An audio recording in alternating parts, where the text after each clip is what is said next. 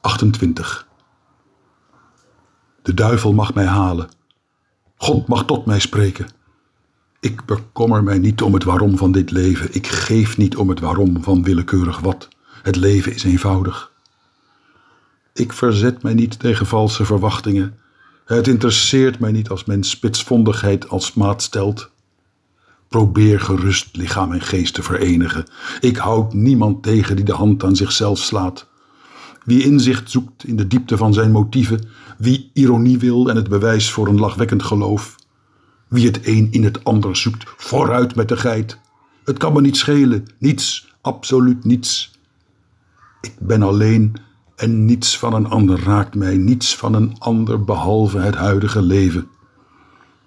Ik ben alleen met mijn zintuigen, gewaarwordingen, gevoelens. Stuk voor stuk stel ik ze op prijs. Ik heb ze lief zoals ik het biljart lief heb, de opgestoken hand uit het feestwinkeltje, de stilte van mijn stad, het voetbalveld, de lantaarns en de asbak waarin ik onwetend sigaretten doof. Ik verzet mij niet als men gehuil proeft in verachting, noch als iemand deze regels toetst aan een hogere moraal of aan een lagere. Ik zal mij niet verzetten als men mij begrijpt, noch zal ik zelfmoord plegen van ellende. Niets is mij vreemder dan geloven, niets is mij vreemder dan een verbondenheid in voelen door middel van denken.